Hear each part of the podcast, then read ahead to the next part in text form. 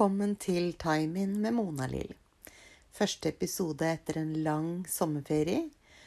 Og i dag så har jeg tenkt å snakke om hvordan vi kan ta grep i våre liv, sånn at livet blir verdt å stå opp til hver eneste dag.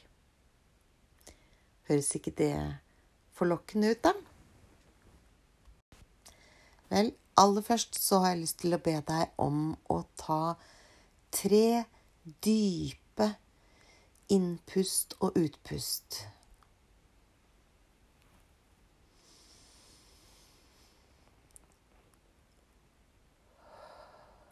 Gjerne inn gjennom nesen og ut gjennom munnen.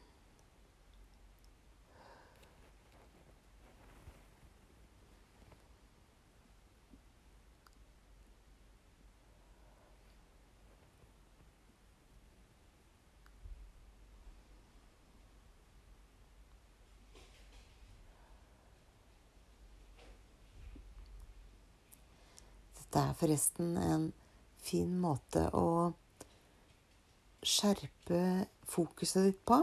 Hvis du skal eh, gjøre noe, skifte aktivitet, eller konsentrere deg litt ekstra, eller trenger å komme ut av en tanke eller følelse, så er det fint å huske på den. Bare flytt fokuset fra hvor enn du har det hen, til pusten din. Og det kan være mye mer enn tre bevisste innpust og utpust. Du kan holde på lenger enn det òg, alt ettersom hva du har anledning til, og hva du trenger. Puste gjør vi jo uansett, så det er jo ikke sånn at det er noe banebrytende. Men ved å flytte fokuset på at du faktisk puster, så får det deg til å jorde deg litt i her og nå. Ok. Da skal jeg fortsette med en liten oppmerksomhetsøvelse til før jeg begynner å snakke om det jeg skal fortelle i dag. Om situasjonen tillater det, så kan du lukke øynene dine. Og så kan du forestille deg at du er et tre. Et tre.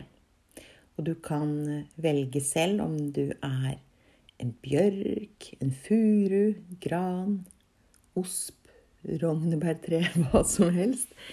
Et fantasitre kan det også være. Bare se det for deg. Legg merke til om hvordan stammen er. Om den er høy eller litt lavere. Hva slags bark har den? Legg merke til greinene. Har du mange greiner? Er det blader på dem? Eller barnåler? Frukt, kanskje? Eller blomster? Når du har fått en formening om hva slags tre du er, så går du inn i den rollen som treet. Sånn at denne stammen, mektige stammen, er altså kroppen din. Og røttene til treet går dypt, dypt ned i bakken. Sånn at du er godt jordet der du står. Og det du kan da legge merke til, er hvor du står. Legg merke til omgivelsene. Er du i en skog? På et fjell? Er du et sted som du kan se vann eller åkre. Hus.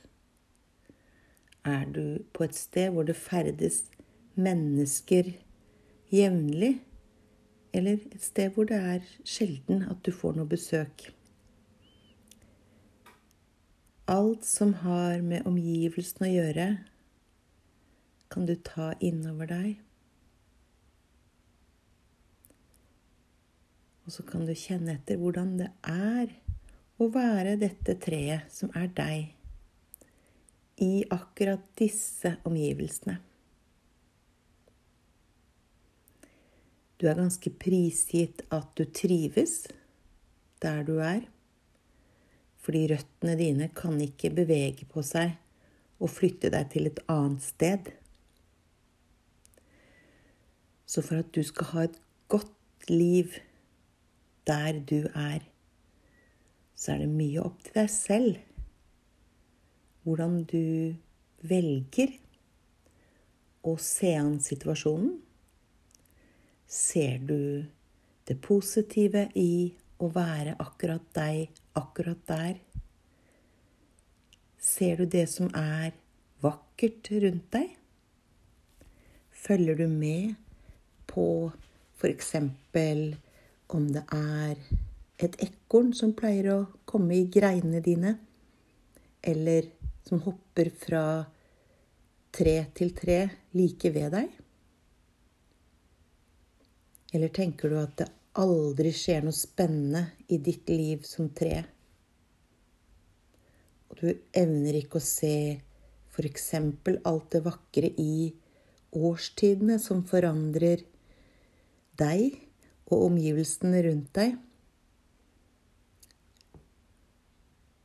Det er opp til deg hvordan det er å være dette treet.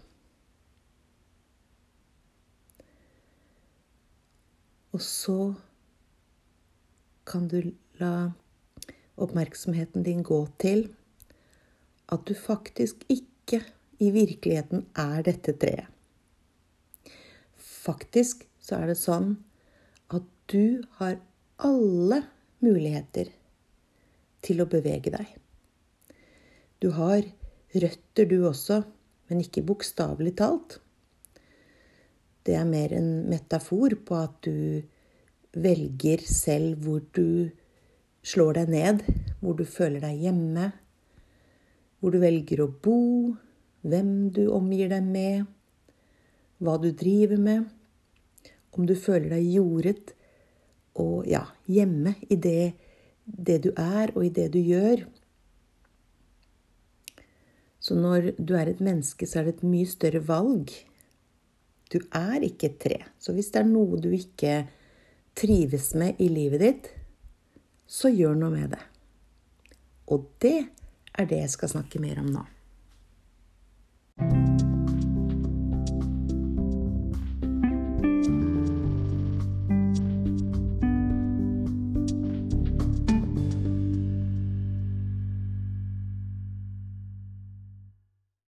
Så om du ikke allerede har åpnet øynene dine, så kan du gjøre det nå. Ja, eller for den saks skyld, ha dem igjen hvis du trives med det.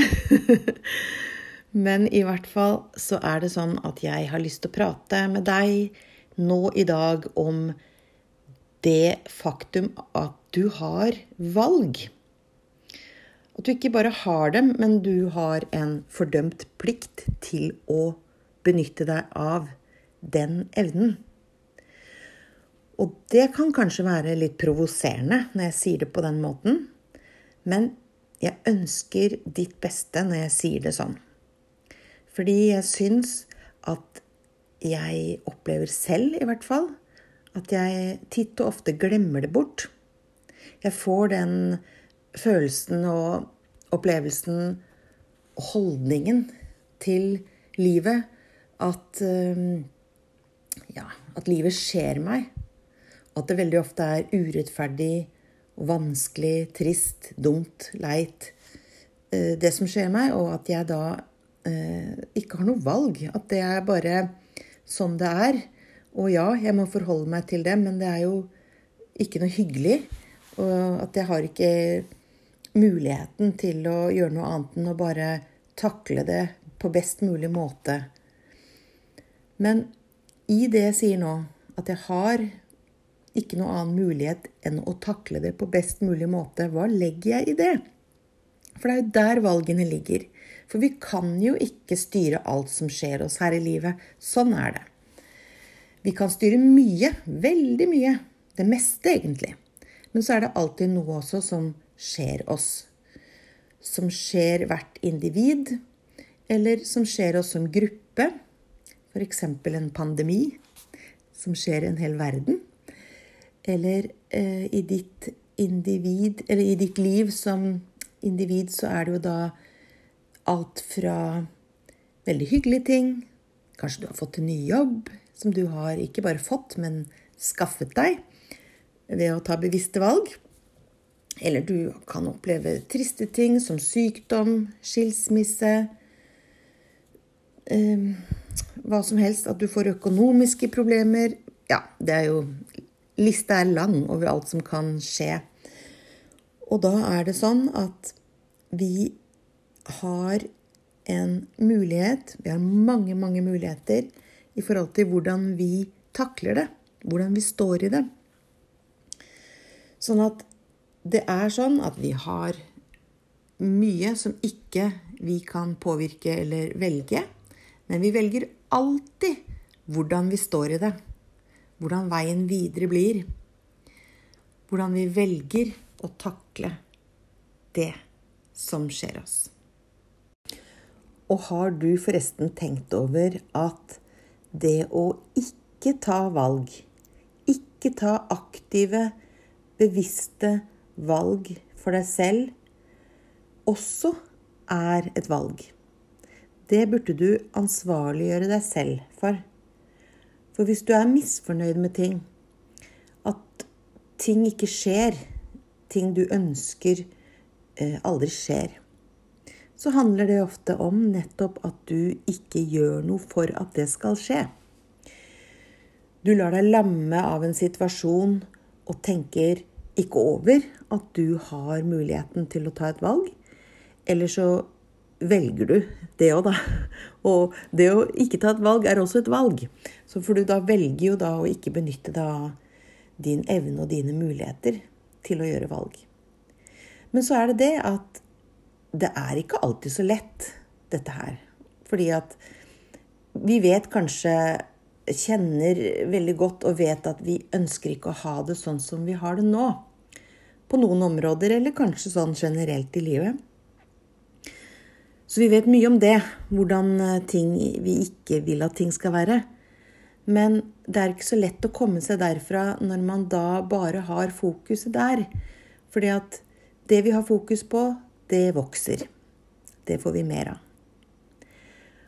Og da trenger vi en ny destinasjon. Vi må finne ut av hva vi vil, hvor vi vil, hvordan vi vil gjøre dette. Vi må finne ut av hva er det som jeg virkelig brenner for? Hva er det jeg ønsker å gjøre? Ehm, prøv å komme i kontakt med følelsene dine, ikke bare fornuften. Sånn at du tar valg på grunnlag av noe som er inni deg. Hvis du skjønner hva jeg mener. Det, er, det handler om at hvis du da for eksempel Og beklager. Satte jeg litt te i halsen her. Eh, hvis du kjenner at eh, du trenger å flytte på deg i forhold til jobb, så er det mange praktiske og fornuftige og rasjonelle ting som spiller inn. Det er ofte det der vi lander og bruker masse tid på. Veier for og imot. Og, uh, og det, disse tingene kjemper på en måte mot de tingene som handler om hva du eh, kjenner at du har lyst til. Hva du føler, hva du kanskje har drømt om tidligere, men som du har skjøvet bort gang på gang, for at det er ikke fornuftig. Nei, kan jeg gjøre det, da? Hva vil folk tro? Hva vil de tenke om meg?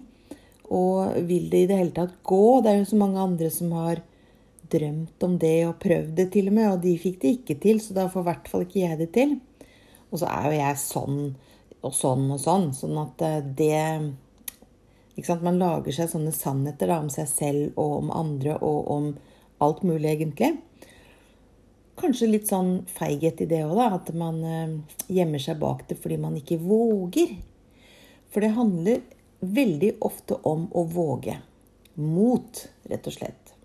Være modig og følge hjertet ditt. Lytt til følelsene. Selvfølgelig skal man ikke legge helt bort fornuften og det rasjonelle og analytiske i oss. Vi må, det må jo være en viss balanse her. Men i i det, i det du skal finne nye destinasjoner i livet. Nye intensjoner. Hva er det du vil? Et sånn sterkt hvorfor, kaller mange det. Da er det viktig å høre mest på følelsene. Høre mest på den herre indre kompasset.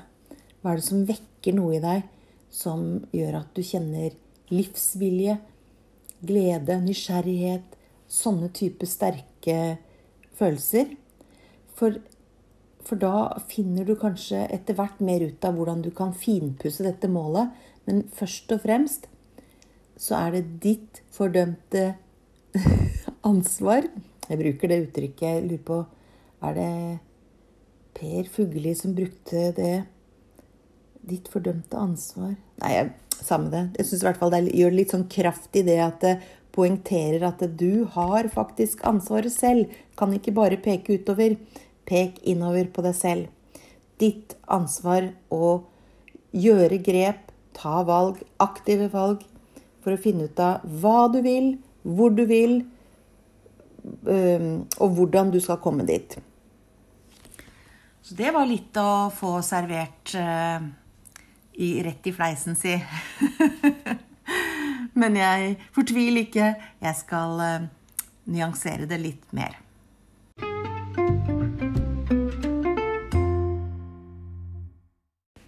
Men først skal jeg bare oppsummere raskt det jeg nettopp har sagt.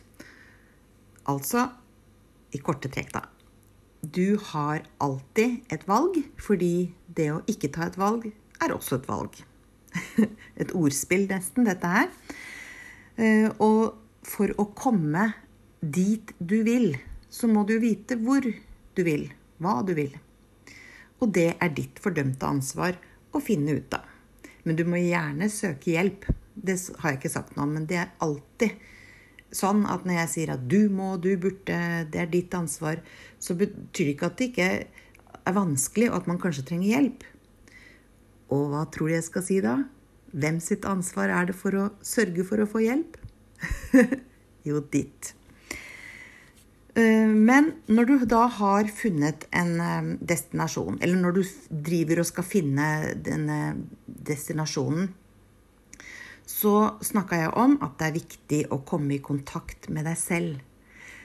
Fordi at skal det bli en destinasjon med kraft, eh, en destinasjon som er sann for deg, som er riktig og viktig for deg, ja, så må du være i kontakt med en indre kraft og ø, følelsene dine. For hvis det bare er fornuften som får lov å rå, så kan du nesten la være å finne nye destinasjoner og bruke mye tid og krefter på å komme dit, hvis det ikke er for deg selv og i tråd med hva som er ja, viktig for deg. Ehm, det er sånn at eh, det er gjort eh, mye forskning på hva er det som folk angrer på når de er, eh, ligger på dødsleiet. Og det som er en av de, en av de grunnene, eller det som folk angrer på, som kommer som årsak da, aller, aller mest, det er nettopp at folk angrer på at de ikke var mer tro mot seg selv. Ikke sant? Mens de hadde muligheten, da. Så det er jo sånn at vi kan ikke sitte og gråte over spilt melk om du er eh, 20 år, 40, 50, 60, 70 Altså, det er aldri for sent å snu. Det er aldri for sent å gjøre nye valg, finne nye retninger, og så er det sånn at man ikke bare kan tenke det, man må også gjøre det. Så ehm, Og på veien dit, da, på veien for å gjøre og nå destinasjonen din, så er det veldig viktig at du er obs på hvilke sannheter du lager deg. Jeg var inne på det i stad. Valgte sannheter. Presupposisjoner er det noen som kaller det. Um, hvis du tenker at du um, er eh, ikke dyktig nok, ikke modig nok, du har det ikke i deg, liksom, det å nå denne drømmen du alltid har hatt, ja, så blir det sant. Ikke sant? Det går jo troll i ord ofte. Og øh, da er det mye, mye mer hensiktsmessig at du velger en annen sannhet. Og om du ikke kjenner at du sånn 100% klarer å tro på det til å begynne med, så er det litt sånn fake it till you make it. Lag deg valgte sannheter som er hensiktsmessig for deg for å nå dine destinasjoner. Dine mål som er eh, innebærer å være tro mot deg selv. Så når du da lager deg en ny sannhet, da Du, du kaster bort, hiver på bålet de gamle sannhetene som ikke var bra for deg, som ikke fikk deg dit du ville, og gjør kanskje et litt sånn ritual ut av det, at du sånn eh, metaforisk da, kaster det på bålet eller i søpla eller tråkker på det. Bort, vekk med det. Og så er det da blanke ark, og du kan velge nye sannheter, som f.eks. at 'jeg er modig'. 'Jeg er sterk'. 'Jeg vet hva jeg vil, og jeg får det til'. altså veldig Du kan jo gjerne være så spesifikk som mulig òg, da, men nå vet jo ikke jeg akkurat hva hva som er din destinasjon og dine mål akkurat nå. Så spesifiser det så mye som mulig, og det må være positivt. Det er ikke lov å ha noen sånne men eh, Det kan du ta med i planleggingen, sånne eh, praktiske ting. Men når du skal lage deg valgte sannheter som skal få deg dit du vil, så skal det være positive, konkrete mål nei, eh, setninger og ord som du skal gjenta og gjenta og gjenta helt til det faktisk blir en sannhet for deg. For sånn virker nemlig hjernen. At du kan eh, lure den litt, da. Til å få, få disse nye sannhetene etablert i deg. Og så etter hvert så adlyder hjernen din det du, det du sier, det du gjentar. Så du kan gjerne skrive det ned på lapper, Henge opp på speilet sånn at du ser det hver gang du pusser tennene, f.eks. Lage en rutine på at du sier det så og så mange ganger i løpet av dagen. Du kan lage en liten eh, vers som går på rim, eller et eller annet som gjør at du etablerer det til en rutine. Og repetere disse valgte sannhetene som er hensiktsmessig for dine mål. Jeg sier det veldig sånn om og om igjen, nettopp for at det vi repeterer, det vi har fokus på, det får vi mer av. Og det vil vi jo. Så lenge det er et positivt fokus. Og det er sånn at mange kan bli litt sånn kvalme av dette her stadig pratet om å, positivt fokus, og du kan bare velge selv, og men altså, hør her. Hvis det er bare sånn at du får uh, vrangsida ut når du hører om dette her, så la være. Det er jo ditt valg, det òg. Men hvis du har lyst til å fortsette å høre på det jeg har å si, så heng på. Her vil jeg slenge inn en liten morsom, syns jeg i hvert fall, øvelse på hvordan du kan trene opp evnen til å gjøre valg og ta beslutninger. Og som jeg da har sagt igjen og igjen, så er det viktig å komme i kontakt med ditt indre, altså din indre kraft, dine følelser, når man skal eh, finne seg nye mål og nye destinasjoner. Så da trenger man å trene opp magefølelsen. For det er i hvert fall min opplevelse at jeg tenker ja da, ja da, det er greit, det jeg skal finne ut av hva er det jeg virkelig vil, og, men jeg kjenner det ikke. Altså Kanskje er jeg på et sted i livet hvor jeg er så sliten at jeg er blitt nærmest likegyldig. Jeg har ikke øvd opp denne magefølelsen på så lenge, sånn at eh, jeg kjenner ikke. Jeg klarer ikke når jeg kjenner etter en gang, å finne ut av hva er det som vekker noe i meg. Hva som vekker den indre kraften da, som, kan meg, som kan være en indikator på hva jeg virkelig vil. Ok, fortvil ikke, det er ikke for sent. Den magefølelsen er der inne, og den kan man finne igjen, og den kan man trene opp. Og for å bruke et eh, litt eh, teit, kanskje, eksempel, så eh, er det jo noen av oss som lider av beslutningsvegring. Helt ned i de små ting. Eller altså ikke lider av sånn at det, ikke, at det er en sykdom som man ikke kan bli kvitt, men i perioder, da, har man noen av oss beslutningsvegring. Og det kan være ja, som, så smått som om Å, har jeg lyst på kaffe eller te? Altså når man er der i livet at man ikke klarer å ta det minste valg, så er eh, trikset at du, for å komme i kontakt med magefølelsen, hva, finne ut av hva du vil, jo, du må bare ta et valg. Det er ikke alltid at det er bare én riktig ting. Kanskje velger du bare kaffe fordi at du skal på jobb. Du må bare ta det valget. Og så kjenner du at når du valgte kaffe, så øh, var det et dårlig valg. Åh, det var ikke det jeg hadde mest lyst på likevel. Jeg kjente det nå som jeg tok det. Mm. Stakkar! Men da er det jo veldig greit, for har du tid til det, så kan du da helle ut den kaffen og ta te istedenfor. Eller så kan du tenke at ja, til lunsj så tar jeg i hvert fall te. For nå vet jeg det. Nå kjente jeg det. At det var det jeg hadde mest lyst til. Så må du Derfor så er det bare ta et valg. Ikke bli stående og stampe i all evighet. Og er det sånn at du ikke tar et valg, så ender det opp med at du får verken kaffe eller te. Du må bare dra på jobb uten å få, få i deg noe. Og det er litt sånn at tar du ikke noe valg, så er det sånn ingenting skjer. Same, same. Mer av det samme. Mens du kan også være heldig. At når du har tatt et valg bare fordi at du uh, har bestemt deg for at nå kan jeg ikke lide lenger her i beslutningsvegringens uh, kval, og tar et valg, og så kjenner du 'Å, det her ble bra'. Da var det et riktig valg. Men er det sånn at du har valgt og kjenner at det var feil, det var et dårlig valg, så er det ikke noe å fortvile over. Da er det en gave. Da har du fått ny informasjon. Da har du kommet i kontakt med magefølelsen din og kan ta et nytt valg ut ifra det dårlige valget. Så det er en øvelse som jeg vil anbefale å leke deg litt med. Velg kanskje litt sånn små ting, litt ufarlige ting til å begynne med.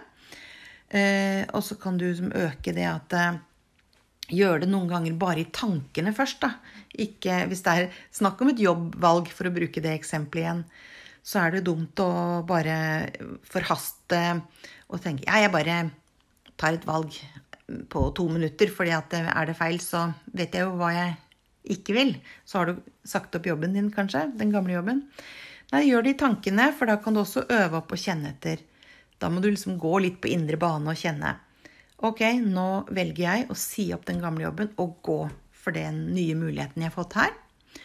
Og da går du inn i de følelsene, ser for deg, legger merke til alt som er Tenk deg liksom gjennom en hel ny dag i denne nye jobben. Hvordan er det å stå opp? Hvordan er magefølelsen da? Gleder du deg? Er du mest spent? Angrer du noe? Ja, så er det veien til jobb, de nye kollegaene, oppgavene du kommer til å få. Prøv bare hele tiden å tenke at sånn her føles det når jeg har tatt det valget. Og så det motsatte, da.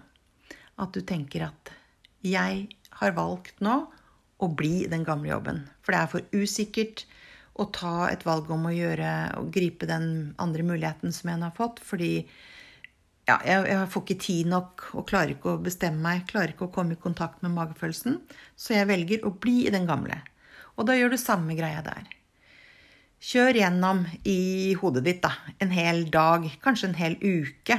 Kanskje du skal prøve til og med å se et halvt år frem i tid. Hvordan tror du du har det da i den situasjonen? Eller om et år, til og med. Det kan du gjøre da i begge alternativene.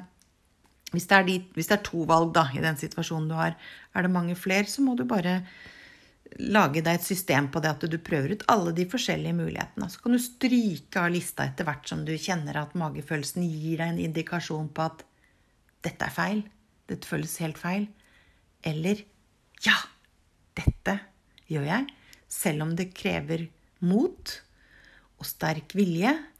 Eh, og den, den der viljen, den kommer. Det kan jeg love deg. At når du, når du bare setter i gang og får ballen til å rulle og gjør noe og kjenner at du er på riktig vei, så kommer kraften og hjelper deg og gir deg nytt pågangsmot, ny, nye krefter. Og så vil det selvfølgelig butte mot noen ganger, men da bare tar du en Evaluering, kort evaluering, kanskje justerer du litt på retningen på destinasjonen din. Det er alltid lov. Ingenting er låst her i livet. Man kan alltid gjøre eh, justeringer, men da må man huske å stoppe opp og gjøre en evaluering underveis, da. Ok, den blei jo ikke så kort, den uh, lille øvelsen der likevel, men den er viktig. Magefølelsen er viktig. Ja, Og jeg skal nyansere enda litt mer eh, det jeg allerede har sagt noe om. Fordi eh, det er viktig å være litt bevisst på disse forskjellige verktøyene, da. For det er på en måte det jeg snakker om her.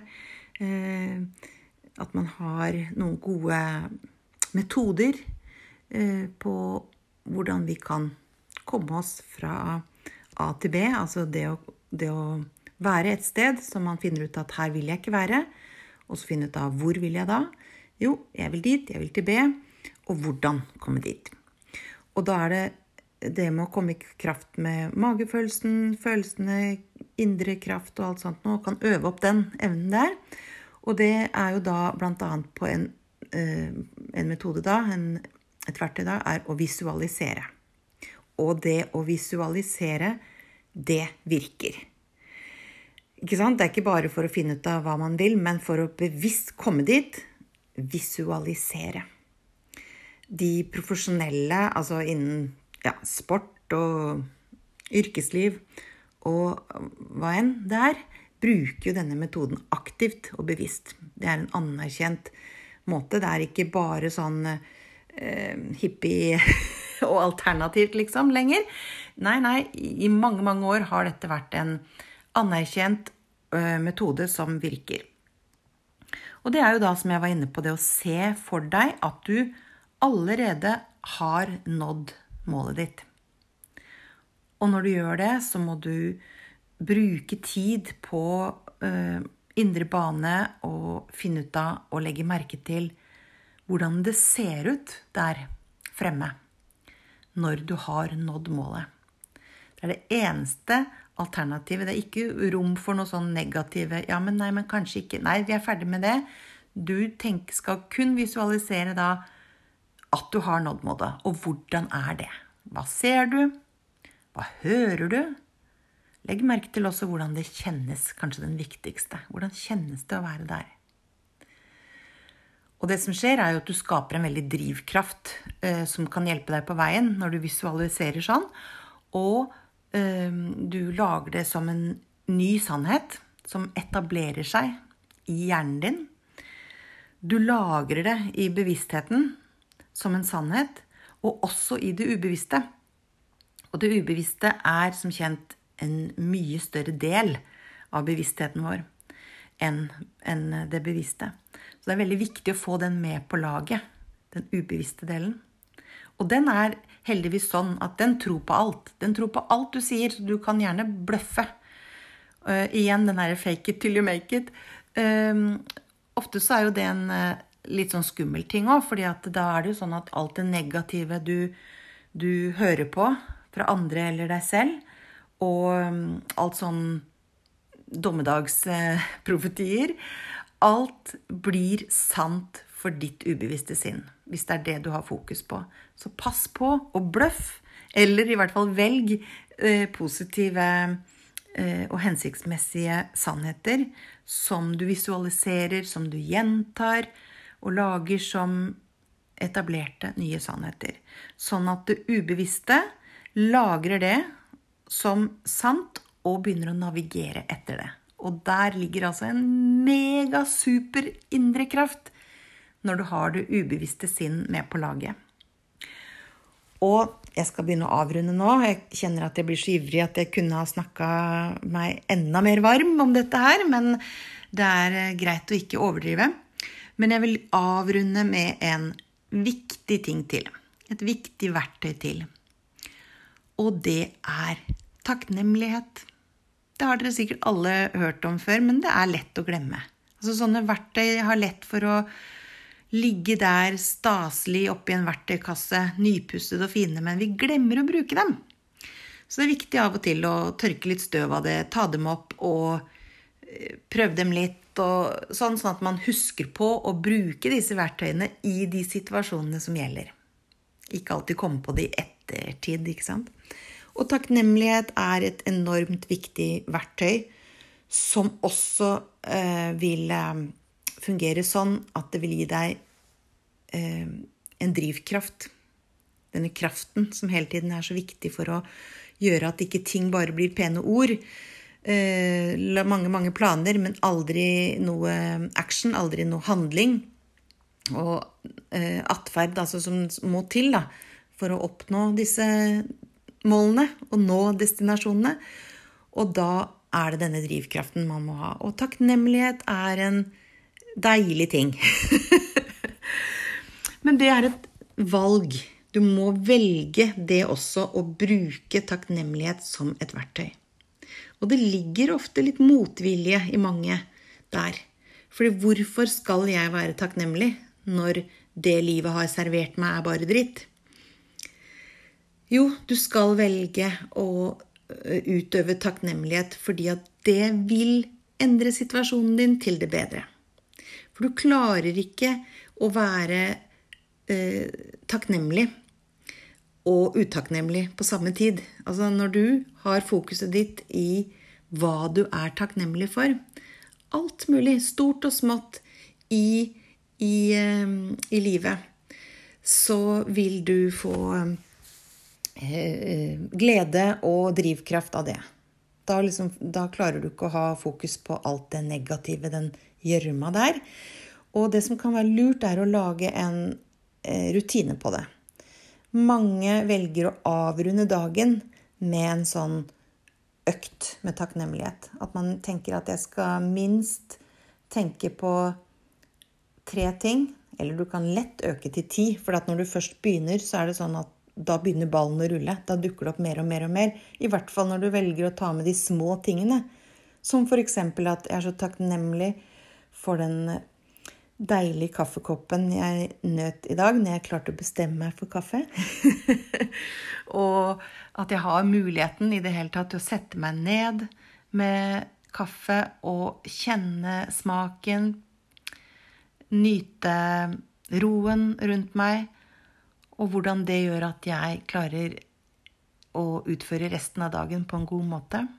Altså bare øv hele tiden positiv fokus. Hva er jeg takknemlig for?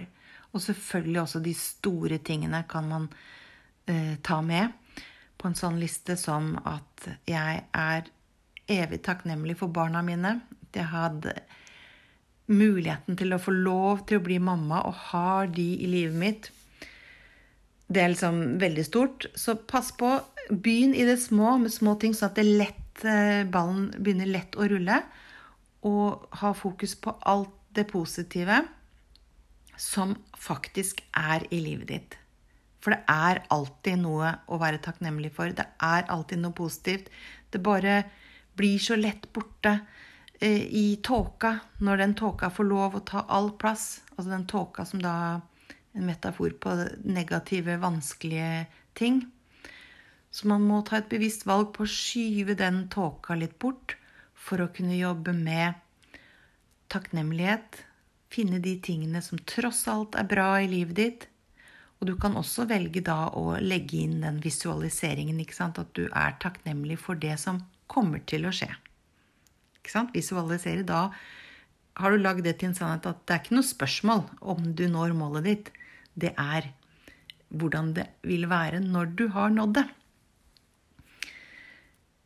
Jeg avrunder der og sier takk for følget. Håper du klarte å følge med i svingene, for jeg kjenner at jeg blir litt ivrig og snakker meg veldig, veldig varm. Men om jeg har klart å gi en liten puff til bare én der ute, så blir jeg veldig glad for det. Det er gøy å dele det som jeg selv er så opptatt av. Og ja, kanskje kunne inspirere noen, da. Men eh, jeg kom på et par ting til helt på tampen likevel.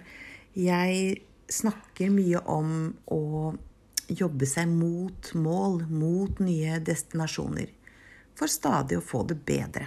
Og som jeg sa innledningsvis, det å skape seg et liv som man gleder seg til å våkne til hver dag.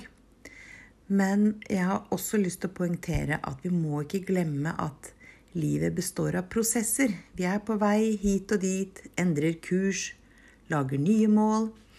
Men det er også viktig å sette pris på eh, den, det man allerede har. Jeg har jo nevnt å gjøre det beste ut av ting. Men eh, nyte prosessen. ikke vente. Ikke vent med å leve til du har nådd alle mål. Du lever nå. Lev og vær til stede underveis også i prosessen.